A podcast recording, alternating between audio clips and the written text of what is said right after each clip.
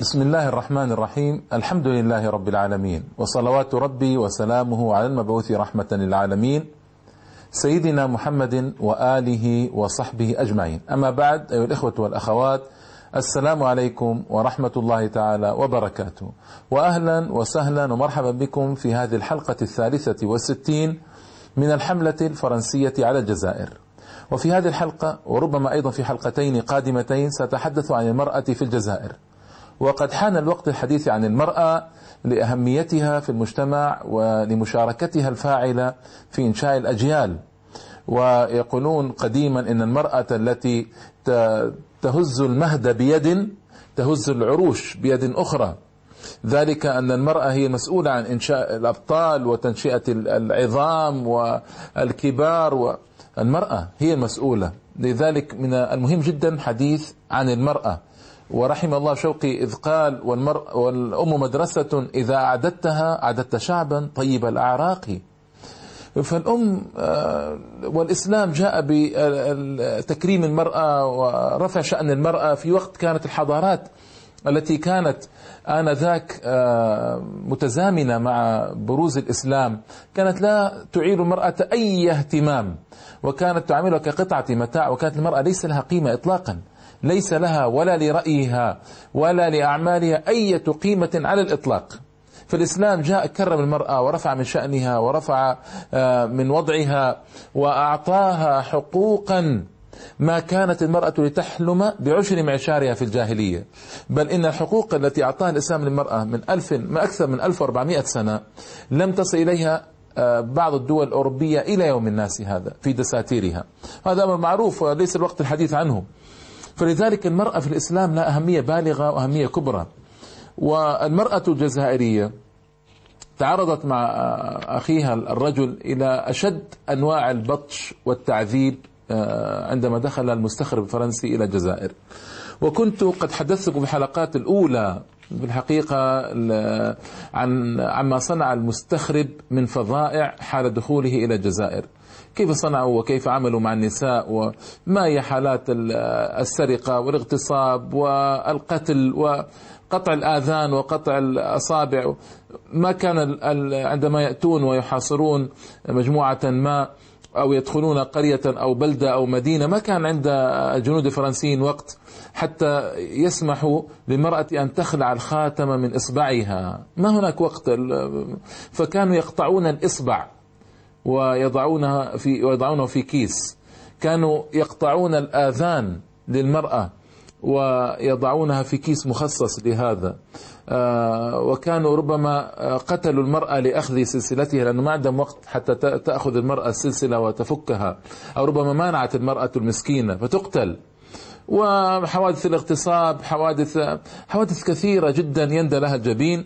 هذا كانت عند دخول المستخرب الفرنسي الجزائر في البداية وعند دخوله كثيرا من المدن والبلدات التي كانت تقاوم وتدافع. هذا أمر تاريخ مسطور ومعروف حتى هم يعرفونه. لا ريب ولا شك في هذا وما أجد في نفسي داعيا في الحقيقة لذكر ذكر القضية هذه أو التوسع فيها لأن المسألة واضحة كل الوضوح.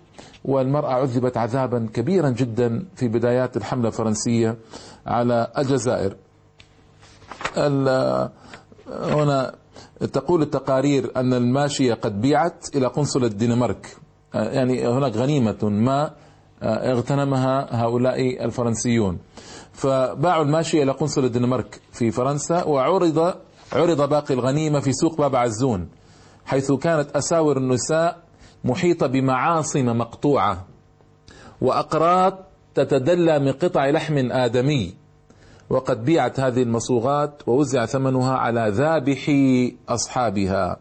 وفي ليل ذلك اليوم أصدر البوليس أوامره إلى أهل المدينة بإضاءة أنوار حوانيتهم علامة على الابتهاج. هكذا كانوا يصنعون بالمرأة وكانوا يعملون المرأة مثل الحيوان لحمل الأثقال عوضا عن الحيوان. والكولونيل ديمونتياك يجيب في رسالته إلى جنرال لامورسيه وهذا جنرال طبعا والكولونيل كلهم كانوا من أشد أنواع السفاكين ظلما وبطشا. يسأله آه، لامورسيه عن مصير النساء اللائي أسرن قائلا إننا نحتفظ بعضهن كرهائن. ونستبدل بعضهن بالجياد. ونستبدل بعضهن بالجياد بالخيل. ثم نبيع الباقيات منهن بالمزاد العلني. باعتبارهن حيوانات لنقل الأحمال. و... وكان المستخرب آه، يضطهد المرأة الجزائرية درجة أنه يحاكمها إذا رآها تجمع حطبا من غابة يحاكمها ويسجنها ويرهقها. وسياسة التقتيل والتدمير والإهانة في كرمها وكرامتها وشرفها والاعتداءات المتكررة من جنود الجيش الفرنسي آه، عليها. آه، طبعا هذا أجيرون أجيرون آه، هذا مؤرخ أجنبي كان موجود في في الجزائر يتحدث عن هؤلاء الجنود واصفا وحشيتهم في معاملة المرأة. قال إن النساء اللائي كن يقعن في أيدي هؤلاء الجنود لا يستطيعن أن يهربن من قدرهن المحتوم إلا أن العرب كانوا يحاربون بضراوة أشد لأجل الدفاع عن شرف نسائهن. كما يصف المؤرخ نفسه سلوك بعض العساكر وهم يتعاركون من أجل نيل فتاة جميلة. قطعوا ملابسها. كل واحد منهم يريدها لنفسه. وفي آخر المطاف اغتصبت وبعد أن قضي عليها سلمت إلى قاضي أقرب مدينة. هكذا يعني بدون إنسانية إطلاقا آه، بل لا يعرفون هؤلاء الإنسانية أصلا. المرأة الجزائرية في الحقيقة كانت تقاوم في البداية ما كانت مرأة مسلمة شرفها وعرضها أثمن ما عندها. كانت تقاوم كانت تدفع بزوجها الخروج للقتال للجهاد في سبيل الله. آه، كان الموت لديها أهون من أن يهزم زوجها في القتال لأن إذا هزم زوجها في القتال معناها مأساة كبيرة عليها وعلى أولادها وعلى بيتها. آه، طبعا هناك نساء رفضنا هذا وخرجنا مجاهدات. ولا ننسى أبدا فاطمة للا فاطمة نسومر. هذه امرأة قبائلية أمازيغية بربرية يعني. آه، وجهادها الكبير ما بين سنة 1843 إلى سنة 1857 آه، في جبال جرجرة ببلاد القبائل وكان لها تاريخ رائع وجميل في فاطمة نسومر. ولدت سنة 1830 وماتت سنة 1863 الحقيقة الكلام عن المرأة هنا مهم جدا مراحل. بعد استقر الوضع لفرنسا في الجزائر استقرارا نسبيا أنا قلت لكم إن المسألة ما كانت مستقرة في فرنسا ابدا. كانت هناك عشرون ثورة كبيرة جرت فقط في القرن التاسع عشر. عشرون ثورة كبيرة في أماكن متعددة من الجزائر. آه هذا إضافة إلى آلاف المدافعات والمنازعات من قبل الجزائريين وما كانوا طبعا يقبلون بهذا الاستخراب ابدا.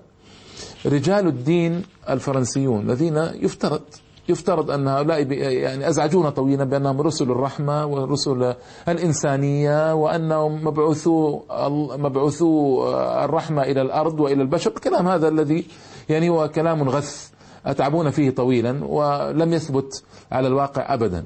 ونحن نعلم أن هؤلاء رجال الدين يسمون رجال الدين كانوا طريعة لل الحملات الاستخرابية على البلاد الإسلامية. كانوا طريعة يعني كانوا يبعثون قبلها يتجسسون على أوضاع البلاد الإسلامية يكتبون المعلومات وينقلونها إلى سادتهم من أجل تسهيل احتلال البلاد الإسلامية.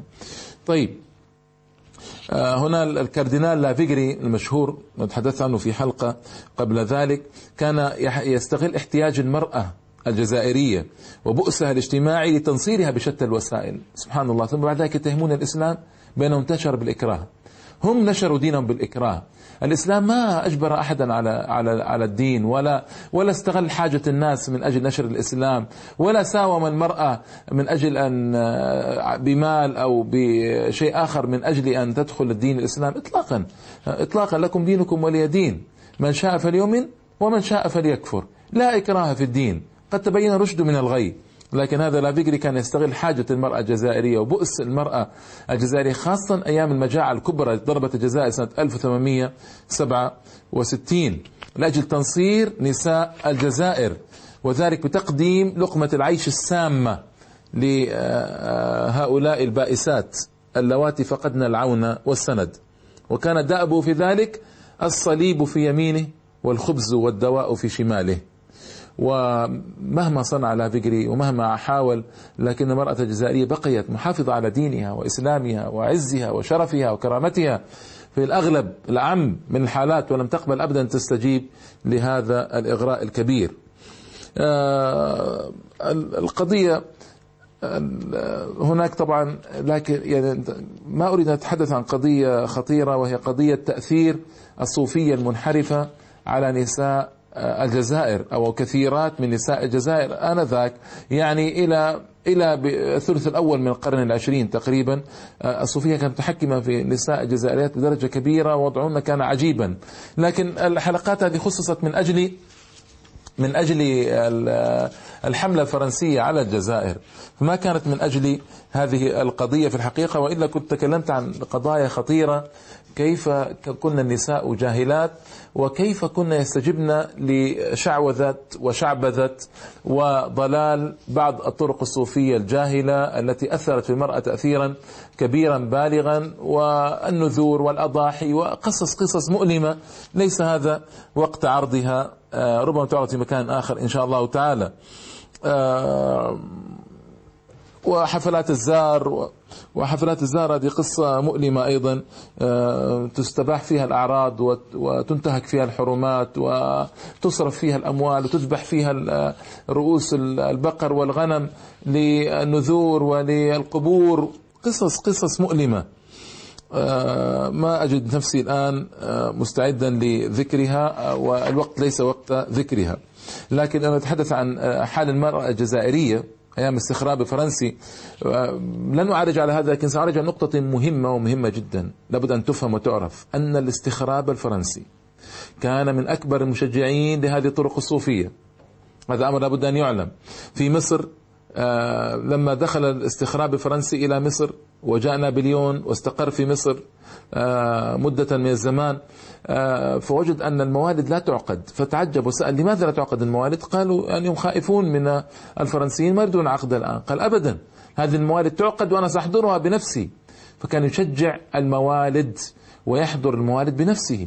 وهذا أمر تحدثت عنه في أيام الحملة الفرنسية على مصر وتحدثت كيف نابليون ومن خلفه كليبر آه، ومن خلفه آه، خليفتهما الذي ادعى الإسلام وتزوج امرأة مصرية فقط من أجل أن يتزوج ادعى الإسلام. هؤلاء الثلاثة كانوا يحضرون الموالد ويشجعون الموالد ويسمحون بكل المظاهر التي كانت تجري في الموالد. طبعا هم يعلمون أن هذا هو الذي يثبت ملكهم في أي بلد كان. لماذا؟ لأن هذه الموالد تمتص طاقة الناس خاصة في مصر. موالد لا حصر لها ولا عدد. تمتص طاقة الناس. وأين يصرف الناس طاقاتهم؟ إن لم يصرفوها في الحقل يصرفونها في الحفل.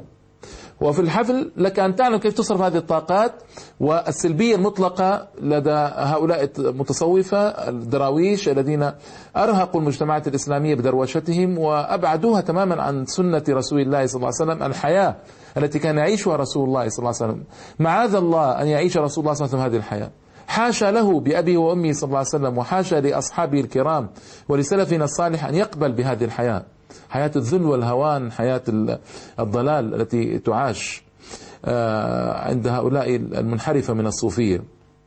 لكن لابد أن نفهم أن الفرنسيين شجعوا هذه الموالد شجعوا الطرق الصوفية ساندوها بقوة. وأنا تحدثت عن آه، في حلقات ماضية عن مساندة الطرق الصوفية للاستخراب الفرنسي لكن لابد أن نفهم أن حتى حتى الاستخراب الفرنسي كان يمد هذه الطرق الصوفية بالمال بمناصب بالجاه آه، يمكن لها في الأرض يسمح لها بمساجدها ومراكزها بدون أي موانع لما يعلم من التأثير الخطير لهذه الطرق الصوفية.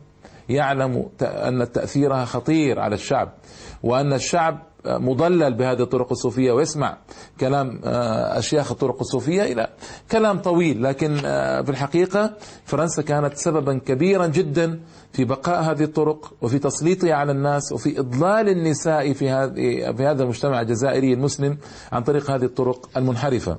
هذا أمر لابد أن يعلم إن لم يكن هناك مجال لذكر هذا الضلال الذي كان يجري من قبل النساء لأن هذا ليس وقته ولكن على الأقل نذكر هذا. يعني هذا أمر مهم أن يذكر. طيب آه، طبعا هنا آه، بعض الكتاب الفرنسيين حاول أن يعطوا صورة سيئة أن يظهروا المرأة الجزائرية بصورة سيئة بأنها جاهلة بأنها سيئة بأنها لا تفهم بأنها كذا.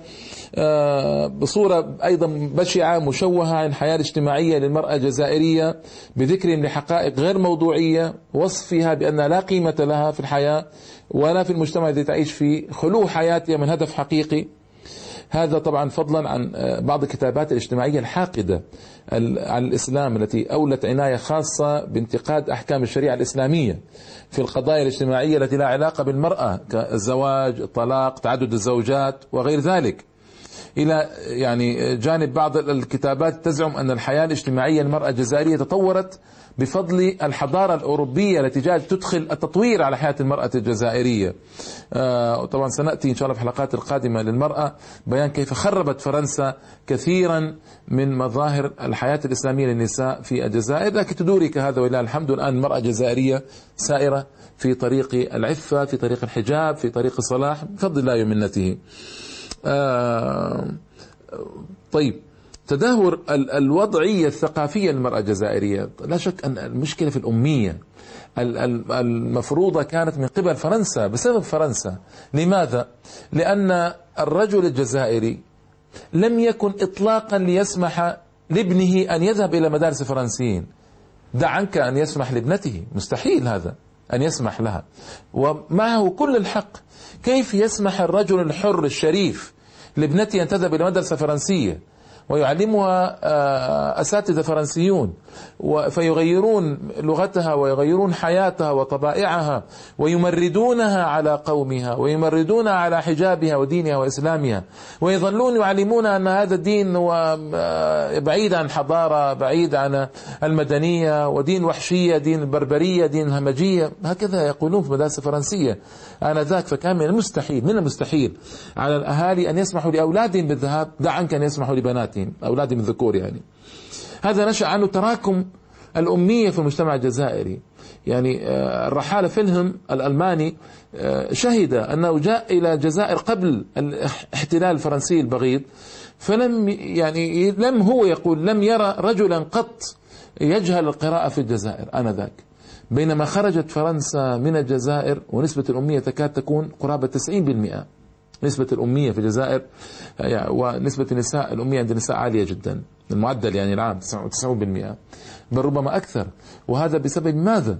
بسبب ما فرضته فرنسا من فرنسة المدارس ومن التعليم الفرنسي في المدارس وهذا. لا يمكن لأحد أن يقبل هذا عاقل أن يقبل بزج بأبنائه وبناته إلى هذه المدارس.